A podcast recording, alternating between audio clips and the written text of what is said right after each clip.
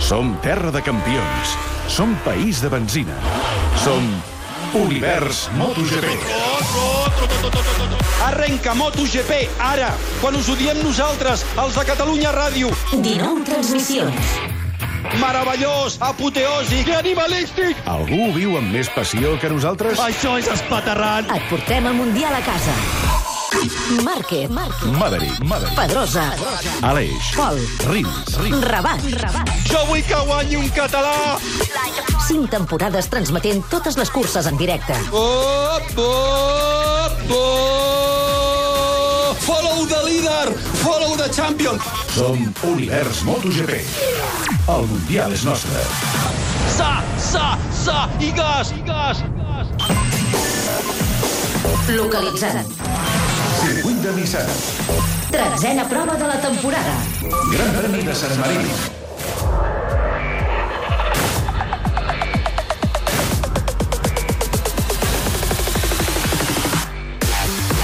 Aquesta setmana Marc Márquez li va estendre la mà a Valentino Rossi a la roda de premsa de presentació del Gran Premi de San Marino. Rossi, davant de tothom, va fer que no amb el cap.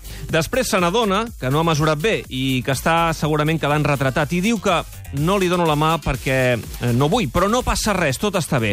Márquez, que és gat vell, escenifica davant de tothom que ell no té cap problema amb Rossi, que és Rossi qui no vol fer les paus.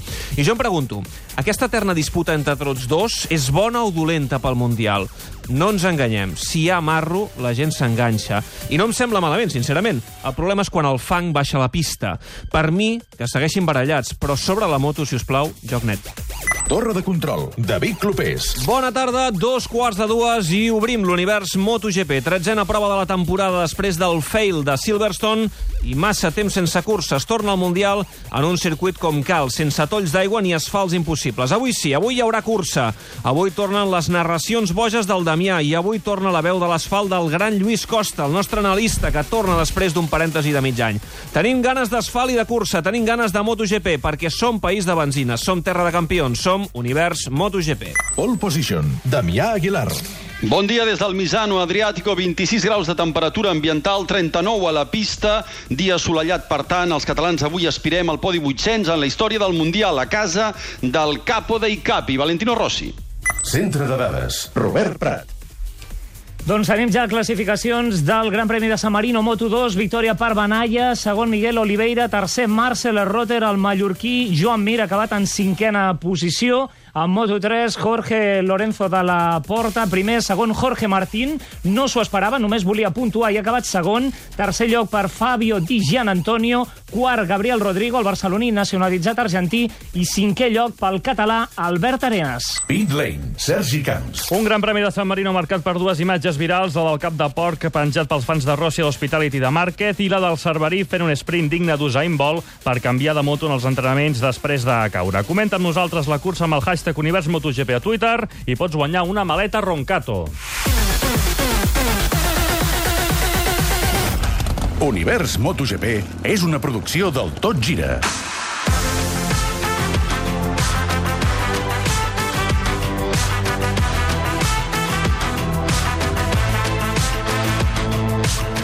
Bon cop de gas! Il cartello di cane in bordello, meglio il traffico delle vacanze, quelle code infinite di macchine che si vedono al telegiornale. Vinga, va, cap al circuit de Misano Adriàtico. Damià Aguilar, què tal? Com estem? Bon dia. Bon dia, què tal? No plou, oi? No plou, va començar plovent el cap de setmana, sobretot dijous vam tenir moltíssima pluja, divendres vam tenir moltíssima pluja a la nit, el dissabte al matí ho van notar una miqueta, però ara mateix tot és eh, sol i bon temps eh, i el circuit en bones condicions. És que ho vam passar tots plegats una mica malament, eh? Fa 15 dies, amb el fiasco de Silverstone. No sé si hi ha hagut conseqüències, seqüeles, per Dorna, pel Gran Premi de la Gran Bretanya... Com, com ha estat tot plegat després del que Aviam, va el que passar? hem vist, el que hem vist els, els dies previs és que sortit el calendari provisional de 2019 i Silverstone hi era sense cap mena de però, sense cap interrogant. I recordem, i, i no ens cansarem de recordar, que el circuit de Catalunya se'l va eh, amenaçar, eh, tot i tenir contracte, perquè fessin aquelles obres a la zona de l'estadi, que ho van fer molt, molt bé, i a més a més amb un reasfaltat molt ben fet, i eh, resulta que amb Silverstone tothom sembla eh, que no vol aixecar eh, el to més del que toqui. Sí que és veritat que... És un gran crem eh, clàssic, no? És un circuit clàssic i, per tant, eh, més enllà Bé, de és un- l'advertència no, no anirà més enllà. És un mercat que s'ha buscat sempre i, a més a més, Silverstone no deixa de ser una grandíssima instal·lació i un mercat importantíssim per Dorna. Evidentment, Carmelo Espeleta va dir a Movistar MotoGP que si no es pot córrer en diumenge, a partir d'ara es farà dilluns o dimarts. També sabem que reasfaltaran. És evident que faran una bona feina, segur, però la faran en una segona instància, no en una primera Qui instància. va patir les conseqüències va ser el Tito Rabat, que va patir un greu accident. Com està, per cert, el Tito? Doncs mira, va fer roda de premsa pocs dies abans de Misano. La seva lesió és seriosa, ja ho va dir el doctor Xavier Mir al tot costa dijous. Ell ja hauria volgut córrer aquí, penseu el que vulgueu, però jo màxim el veig tornant a València a l'última de la temporada perquè tot just després hi ha test amb motos 2019 però està clar que d'aquí a final de temporada o d'aquí a València doncs a Tito Raval li hauran de fer una cura psicològica perquè no es vulgui aixecar del llit eh, o que no vulgui deixar la rehabilitació fins que toqui Molt bé. Escolta, Damià, estem contents, oi? Saps per què, no? Eh, per jo què? estic molt content, tu estàs content, el Sergi Camps està I tant, content, home. el Robert Prat està content, perquè avui um, n'hi ha un que torna que torna amb nosaltres, Home, i que el trobàvem tant, molt a faltar. i tant, i tant, i tant. I que ara ja, ara ja que torna, eh, el lligarem a la pota de la taula i que no ens torni a marxar. Lluís Costa, què tal? Ben Hola. tornat a l'univers MotoGP. Quantes bon dia. vegades, quantes transmissions aquí tu al meu costat, a, a la meva dreta, eh? Amb, amb transmissions de matinada, a la tarda, al migdia... Les que faci falta. Hem I de nou aquí al peu del canó. És el cinquè any, eh, avui eh, bueno, el Gran Premi a Motorland farà cinc anys que estic amb vosaltres. He tingut un sis mesos eh, més o menys de...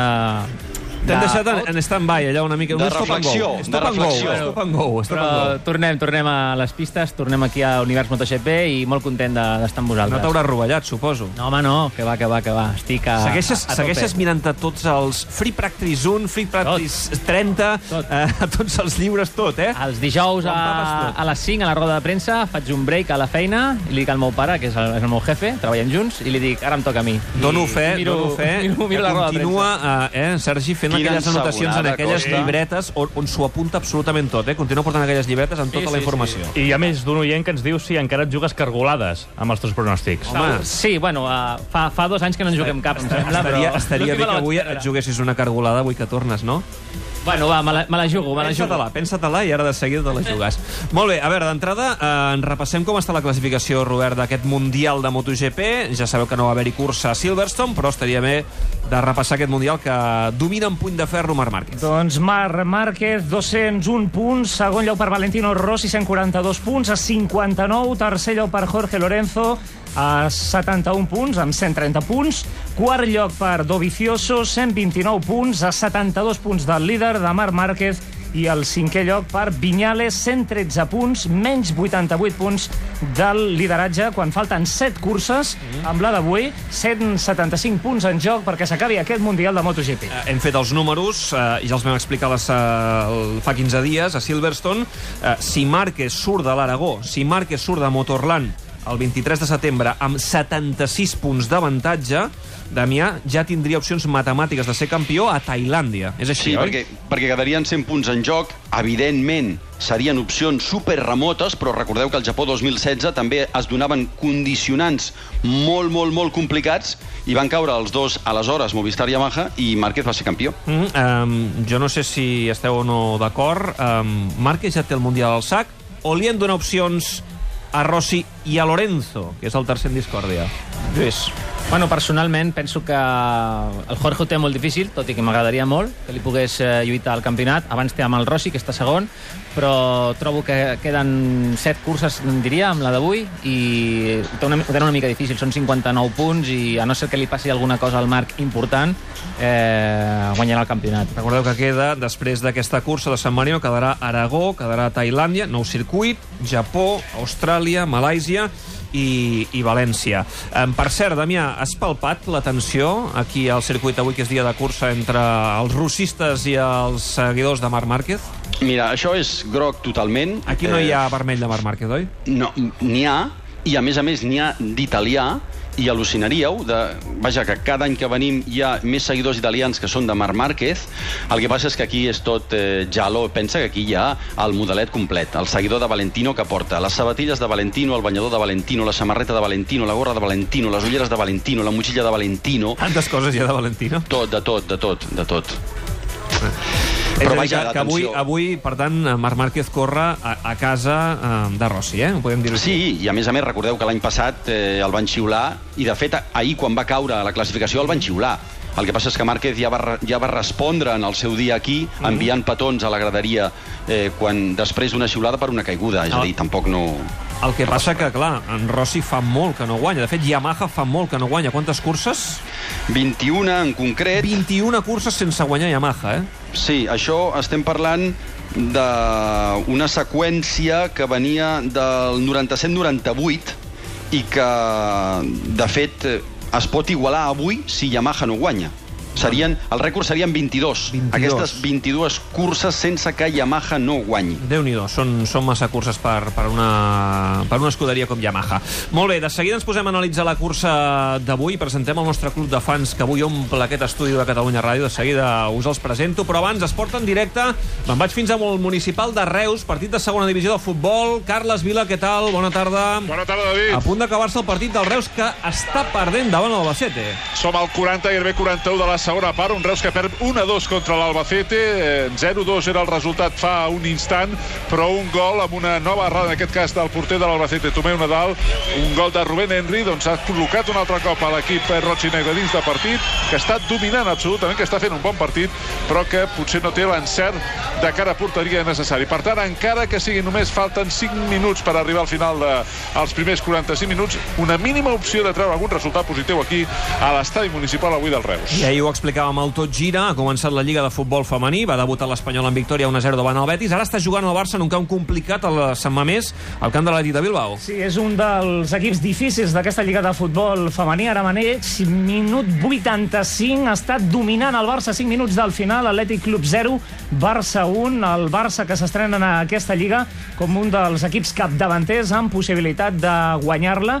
Tindrà com a rivals l'Atlètic Club, també l'Atlètic de Madrid, ahir ho explicàvem, victòria còmoda dels matalassers, 0 a 4 al camp del Màlaga, també victòria ahir de l'Espanyol, 1 a 0 davant el Betis. A l'Ezama, per ser exactes, eh? no jugant a Sant Mamés aquest partit entre Atlètic de. Bilbao i, i, i Barça. També tenim el Barça d'handbol jugant a la Lliga Sobal, avui comença la Lliga Sobal, ja es va estrenar divendres al Granollers amb victòria. Eh, com li va el partit al Barça a la pista de l'Alcobendas? Doncs s'ha acabat ara mateix aquest partit, el Covendes 24, Barça 50, és un resultat enganyós, el Barça sí que és veritat que guanya els seus rivals amb molta comoditat, molt d'una manera molt sobrada, però l'Alcobendas és un dels equips més fluixos de la competició, acaba de pujar a la divisió d'honor i per tant avui no ha pogut fer res davant aquest Futbol Club Barcelona que ha guanyat còmodament el Covendes 24, Barça 50, estrena de l'equip blaugrana a la Lliga d'handbol. I entro també al Palau Blaugrana perquè Albert Renet, què tal com estem? Bona tarda. Bona tarda. S'està disputant la final de la Copa Catalunya de Futbol Sala entre el Barça i la Indústria Santa Coloma. amb empat a 1 al marcador al minut 12 de la primera meitat, últims 8 minuts abans d'arribar al descans i aquesta final de la Copa Catalunya està preciosa, amb un bon futbol, amb moltíssima igualtat, amb alternatives i amb aquest empat a 1 s'ha avançat Indústria Santa Coloma amb un gol de Pol, Pol Pacheco al minut 3 ha fet l'1-0 i l'empat l'ha fet al minut 8, 5 minuts després Ferrau amb una mitja volta marca de la casa. Últims 8 minuts abans d'arribar a la mitja part, Indústria Santa Coloma 1, Barça 1. Abans s'ha disputat la final femenina, la guanyada del Penyes Plugues 4-1 davant la Concòrdia.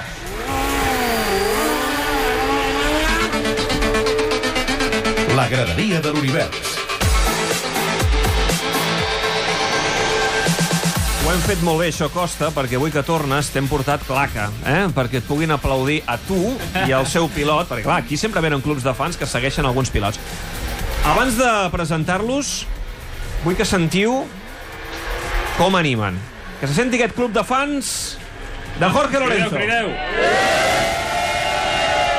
No hi cap ni una agulla. Sergi Camps, moltes banderes negres a Trezo, sí. club de fans implicat en la causa, perquè, escolta'm, això ens ho han, ens ho han vestit de dalt a baix, aquest estudi de Catalunya Ràdio. Jo aquí diré una cosa que és per picar els altres clubs de fans. És el club de fans que més atrets ho ha portat a l'estudi de Catalunya Ràdio. Per tant, la gent que vingui que estigui a l'alçada. Hem, Hem, penjat, hem hagut de portar cadires extres perquè Sí. no hi cabien, eh? hem penjat un vídeo de- d'aquest atrezzo d'aquest eh, club de fans de Jorge Lorenzo al nostre Instagram, tot gira, i així els podreu eh, veure. Venen tots equipats amb les samarretes del Jorge Lorenzo, amb banderes. També hi havia aquí com un ninot eh, de color lila, que no sé ben bé què era. El, el, el dimoni de WhatsApp, dius? Sí, el dimoni que el Jorge porta. En el mono. Ah, molt bé, doncs un identificatiu del Jorge Lorenzo. I avui, doncs, eh, per premiar aquest club de fans, tenim un regal per vosaltres, per cinc de vosaltres, perquè sortejarem ara mateix cinc llibres eh, del Damià Aguilar i del Pere Flores, aquest eh, a 300 per hora.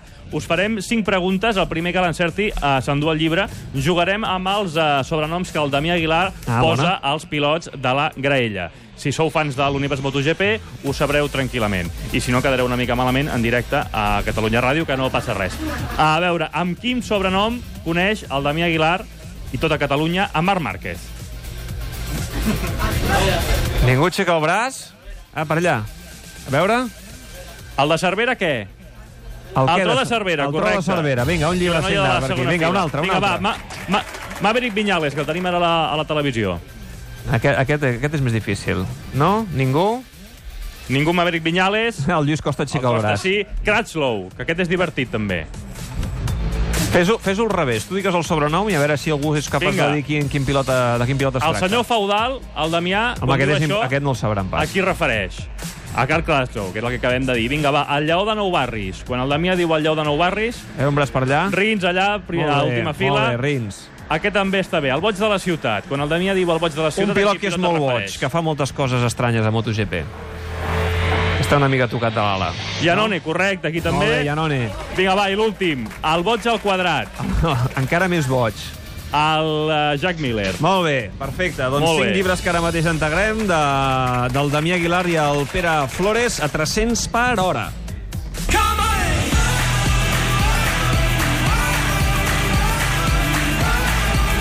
Carles Vila, quan s'afegeix el municipal de Reus en aquest Reus 1 Albacete 2? 5 minuts, som ja al 91 de partit i el Reus continua buscant l'empat a 2. De moment, 1 a 2 guanya l'Albacete. Hem tingut abans curses de Moto2 i Moto3. Robert, a grans trets, què ha passat? Doncs mira, a Moto2 sembla que el Mundial es decideix entre dos pilots, cada cop més clar, Banyaia i Miguel Oliveira. Banyaia ha guanyat clarament la cursa, segon lloc per Miguel Oliveira, tercer Marcel Rotter, mentre que el mallorquí Joan Mir ha acabat en la cinquena posició. Aquí Traduït al hauríem de... Digue'm, Aquí digue'm, Damià. hauríem de destacar dues coses. Primera, Àlex Márquez ha- l'ha tocat un altre pilot, Augusto Fernández, només començar la cursa. Els dos han anat a terra i els hi ha tocat remuntar. Àlex Márquez ha acabat 19è. Augusto ha anat a eh, demanar-li perdó al final de cursa, cap mena de problema. I després, bandera negra per eh, Romano Fenati per una acció superbruta sobre Manzi, un altre italià. Se les han tingudes a la cursa i en un moment donat, en una de les rectes, Fenati se li ha posat al seu costat i li ha tocat el fre del davant a mans i això és una acció superperillosa, bandera negra. Anava a dir que la general, David, doncs clarament, Banyaia, 214 punts, Oliveira segon, 206, un dels dos guanyarà el Mundial, toquem fusta si no passa absolutament res més, Binder, tercer lloc, 119 punts, i el mallorquí Joan Mir, quart lloc, 114 punts. Això a Moto3. Això, doncs, és com han quedat les coses a la categoria de Moto2. A Moto3, eh, com bé deies, Lorenzo de la Porta ha guanyat el Gran Premi de San Marino. Jorge Martín, atenció, segona posició, diu que no s'ho esperava, que ell només volia puntuar en aquest eh, Gran Premi i ha aconseguit aquesta segona posició molt meritòria perquè li dona el, el lideratge, ara ho repassarem, a la classificació general. Tercer lloc per Fabio Di Gianantonio, quart Gabriel Rodrigo, aquest pilot barceloní nacionalitzat argentí, i sisè lloc l'Albert Arenas, el pilot català, així ha quedat aquest Gran Premi de San Marino Moto3. 12 minuts i les dues, 12 minuts i comença la cursa a San Marino. Repassem la graella de sortida del Gran Premi a Misano Adriático.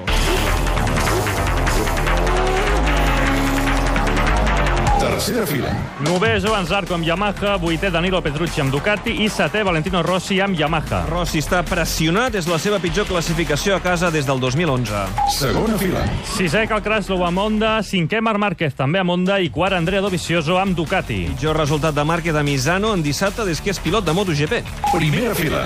Tercer Maverick Viñales amb Yamaha i segon Jack Miller amb Ducati. És el millor resultat de Viñales a la graella des de Mugello fa 6 curses. Pole position. Jorge Lorenzo amb Ducati. Segona pol consecutiva pel mallorquí, primera pol de Ducati al Misano en 11 anys, màxim favorit. El seient del darrere. Desè Alex Rins amb Suzuki, onzè Dani Pedrosa amb Honda, setzè Aleix Espargaró amb Aprilia i vintè Pol Espargaró amb KTM. Fa un any a l'univers Marino endavant. I és Marc Márquez el qui agafa la primera posició per entrar ràpidament. Revolts primer, segon i tercer a la zona de les ziga-zagues Marc Márquez que intenta aguantar la posició però veig que Jorge Lorenzo es posa primer. Segon és Marc Márquez. Tercer és ara Maverick Viñales. Cau Lorenzo i cau Crutchlow. Ha caigut Jorge Lorenzo. Creua Petrucci en la primera posició. Segon Márquez que ha fet volta ràpida personal de 48-7 tercer Dovizioso. La diferència del Dovi dels tres primers amb Maverick Viñales ja és de 5.4 segons abandona el boig de la ciutat Andrea Iannone i Marc Márquez el supera en la primera frenada abans d'arribar a les ziga-zagues el tro, tro, tro el tro de Cervera en mode Champions. Tothom dret, tothom dret. Aquest home guanya. Vince il tuono di Cervera al Misano Adriatico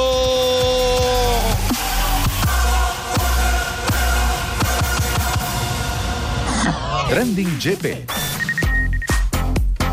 Com a cada cursa, comentaris amb el hashtag Univers MotoGP a Twitter per guanyar una maleta Roncato, com ja ha fet l'Albert, que diu Rossi escalfant la guerra psicològica, però no hi té res a fer, el Mundial és pel Marc. La Mireia Duran bull un duel Rossi-Marc a la pista i el Pau diu, mentre Rossi i Marc s'esbatussen, Lorenzo va fent. La imatge viral també a les xarxes aquest cap de setmana és el casc que estrena Valentino Rossi en la cursa d'avui. És un homenatge a la pel·lícula Regreso al futuro. És la versió Regreso a Misano. Rossi seria Marty McFly i el seu cap de mecànics és el Doc. També recordeu que tenim un altre sorteig a través del Facebook, en aquest cas facebook.com barra totgira, i en aquest cas, si encerteu el podi de la cursa, podeu guanyar un lot de caves Verdier. Onda Tauler, concessionari oficial Onda a Barcelona, us ofereix aquest espai. Moments universals. De seguida recordem un altre moment universal de la història del motociclisme, però abans, Municipal de Reus, Carles Vila, final del partit, derrota del Reus. S'ha acabat el partit, finalment, 1-2 ha perdut el Reus contra l'Albacete, un partit on es mereixia molt més l'equip de Xavi Bartolo, ha dominat pràcticament durant els 90 minuts, ha tingut la mala fortuna en els dos gols que ha encaixat i no ha tingut temps després de la recta final, tot i les ocasions, moltes que ha tingut i de perill, per emportar-se com a mínim un punt. Per tant, segona derrota del conjunt de Reus, la primera avui aquí a l'estadi municipal en aquesta temporada. El Reus, que avui tampoc ha pogut comptar amb aquests jugadors afectats pel problema de les llicències al límit salarial. Derrota del Reus, que és 14 a la segona divisió, amb 4 punts després de 4 jornades. Gràcies, Carles. Et deixem anar a vestidors. Vinga, bon dia. Vinga, fem memòria. Cada dia, ja ho sabeu, a Univers MotoGP recuperem algun moment estel·lar, algun highlight de la història del Mundial. Avui, atenció, un moment en el que els pilots no tenien el poder, com ara, i no podien plantar-se davant una situació perillosa. Venim d'un cap de setmana a Silverstone en què no hi va haver cursa pel mal estat de l'asfalt amb molta pluja. Hi ha hagut aficionats que han criticat que els pilots majoritàriament no volgueren córrer. Ells tenien el poder i el van exercir, però històricament no ha sigut així. Al Gran Premi d'Itàlia a Monza en 1973 moren Renzo Pasolini i Jarno Saarinen. Ho explica Mario Lega, un pilot dels anys 70. Eh, Pasolini Pasolini cau. En aquella època la barrera de seguretat estava molt a prop. La moto hi topa i torna a la pista a mitja alçada. un'altezza media. Sarinen, I Sarinen, que era qui li anava al darrere, s'aixeca de la moto i no pot evitar la col·lisió. La cursa s'acaba perquè els pilots es cansen de passejar-se volta rere volta pel desastre i entren a pits. Al 1977, el pilot suís Hans Stadelmann mor en un accident múltiple durant la cursa de 250 centímetres cúbics del Gran Premi d'Àustria a Salzburgring. Els promotors diuen que no cal aturar la cursa. Bé, els costa 8 voltes decidir-ho, perquè en l'accident en què mor Stadelmann, tres pilots més acaben malferits. Les estrelles del moment, amb Barry Sheen i Giacomo Agostini al capdavant, refusen de córrer la cursa de 500 centímetres cúbics. La FIM va multar Sheen per insolent i els organitzadors van recórrer al paddock amb diners a la mà oferint doble prima d'eixida a qui volguera disputar la cursa de la classe reina. Un dels moments més recordats és la cursa de Misano del 1989. Hi havia hagut moltes caigudes als entrenaments. La pista sota la pluja era tan perillosa que Swans, Sarro Arron, Rainey, Lawson, Duhan i Garner van entrar a pits després de poques voltes. La graderia els va xiular, es torna a formar graella i plou a bots i barrals. Només ixen pilots privats. Guanyaria la cursa l'italià Pierfrancesco Chili, que tenia aquests arguments. Bueno, yo creo que la carrera no se debe suspender. Hay que volver a tomar la salida. Una nueva salida. ¿Has tenido presiones los otros pilotos tras tu decisión de correr? Sí, algunos pilotos me han dicho tras las dos salidas, no salgas, amigo.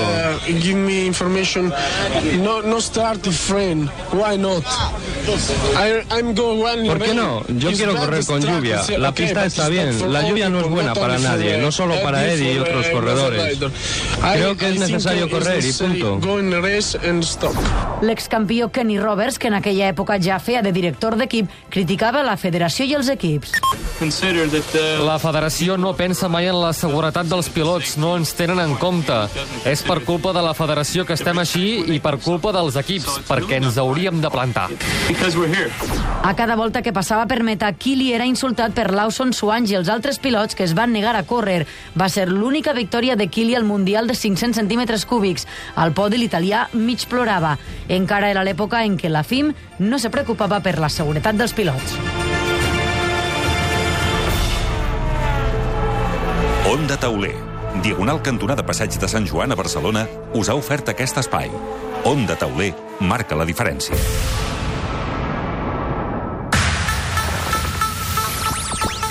La xarxa Fort de Catalunya t'ofereix aquest espai. Damià Vol. 4 minuts i comença la cursa. Uh, de seguida ens hi posem. Abans us expliquem una història. Andrea Dovizioso, pilot oficial Ducati, té una personalitat peculiar. Sempre ens ho explica el Damià. Tots els pilots italians han viscut sempre a l'ombra de Rossi, però els bons resultats de l'any passat van convèncer Dovizioso d'acceptar Damià una oferta per fer un llibre sobre la seva vida. Va ser el periodista del Corriere della Sera, Alex Passini, qui ha escrit juntament amb el pilot un llibre titulat Asfalto. El pilot de Forria es despulla completament. Parla sense embuts de la família, els rivals i també de la seva espòs. Bé, òbvio que un I és obvi que en alguns moments els pilots senten por. Ell ha explorat les seves pors, fins i tot la por a vèncer, o la por a caure. I em va frapar especialment quan deia que hi havia eh, sentit tanta por de perdre una cursa, que hagués preferit caure. Dovizioso vol ressaltar amb el llibre que és una persona normal i Passini pensa que aquest pilot viu en un temps que no és el seu. Un llibre que de moment només és en italià, però molt recomanable, el recomanem des d'Univers MotoGP. L'explicació de l'autor la teniu al nostre web, al web de l'Univers, catradio.cat barra MotoGP. Quan escoltes per primer cop... Tens un Ford Kuga amb motor EcoBoost per 17.950 euros. És com escoltar per primer cop... T'estimo. O un... Sí, vull. Escoltar per primer cop tens un Ford Kuga amb motor EcoBoost per a molts el millor motor gasolina del món per 17.950 euros. És irrepetible. Finançant amb FCE Bank, condicions a Ford Ponès i només fins a final de mes. Xarxa Ford de Catalunya. Lluís Costa, la veu de l'asfalt. Quines ganes tenia de tornar a sentir això de Lluís Costa, la veu de l'asfalt. Um, I jo. No facis allò de quedar bé davant del club de fans, que a vegades ho fas. No, no, no, mai. Guanyarà mai, Lorenzo avui? Jo crec que sí. Crec que sí, crec Què, que sí. què havia de dir davant de No, vosaltres? no, i si creies que no guanyava, ho diria, eh? No tinc, no tinc cap problema, però... Per què? Avui ho té Lorenzo el veus el millor, ara mateix? Uh, aviam, realment sí que pot guanyar, uh, però, ostres, sempre, sempre surt bé a l'Urreini i avui, avui jo crec que guanyarà. Tot i que el Márquez ha anat molt bé al warm-up. És a dir, veus una tàctica martell de Lorenzo, eh? sortint i tirant. Aviam, eh, seu és que surti tirant a l'Urreini. El que passa és que ell és conscient, i tots els pilots són conscients del nivell d'abrasió de la pista, i si, si surts a, a garrofa, si surts a gas, com el Jorge, es pot quedar sense goma al final de cursa. Aleshores, jo crec que anirà una mica una cursa per sensacions. Segons el que vegi, segons qui tingui darrere, apretarà més, apretarà menys. Bé, doncs eh, és a punt de començar aquest gran premi de San Marino. Ara mateix comença el warm-up, la volta d'escalfament. Recordem una vegada més aquesta graella de sortida, Robert. Jorge Lorenzo amb Ducati, Jack Miller amb Ducati segon, Maverick Viñales, Andrea Dovizioso, Marc Márquez, Cal Crutchlov, Rossi, Danilo Petrucci, Joan Sarco, Alec Rins, Dani Pedrosa, Morbidelli i els catalans Aleix Espargaró i Pol Espargaró, setzena i dissetena posició. Això és a punt de començar. Recordeu que aquest Mundial de MotoGP, de moment el té ben dominat Marc Márquez. 201 punts, Valentino Rossi segon, 142 punts, Jorge Lorenzo tercer lloc, 130 punts, Dovizioso quart, 129 punts i Maverick Viñales cinquena posició amb 113 punts. Comentari sobre la cursa a Twitter, si voleu guanyar una maleta Roncato. El Joan diu avui el Marc entra en una competició en camp contrari, cursa igualada, i el Joaquim Just que diu avui el Marc sortirà hipermotivat. I ara mateix tanquem les, Ara, ara. Eh, els pronòstics pel podi al nostre concurs de Facebook amb un lot de caves Verdier en joc. Aposten molt els nostres oients per Jorge Lorenzo? Són, eh, van a rebuf de Lluís Costa, sempre els oients. Sí? Tothom aposta per Jorge Lorenzo? El nostre club de fans aposta per Jorge Lorenzo, sí o no? Sí! Avui ben acompanyats. Club de fans de Jorge Lorenzo, entreu a les nostres xarxes, a Twitter, a Instagram, a Facebook, veureu les imatges d'aquest estudi de Catalunya Ràdio ple a vessar amb el negre de Jorge Lorenzo. Senyals horaris de les dues de la tarda, ho tenim tot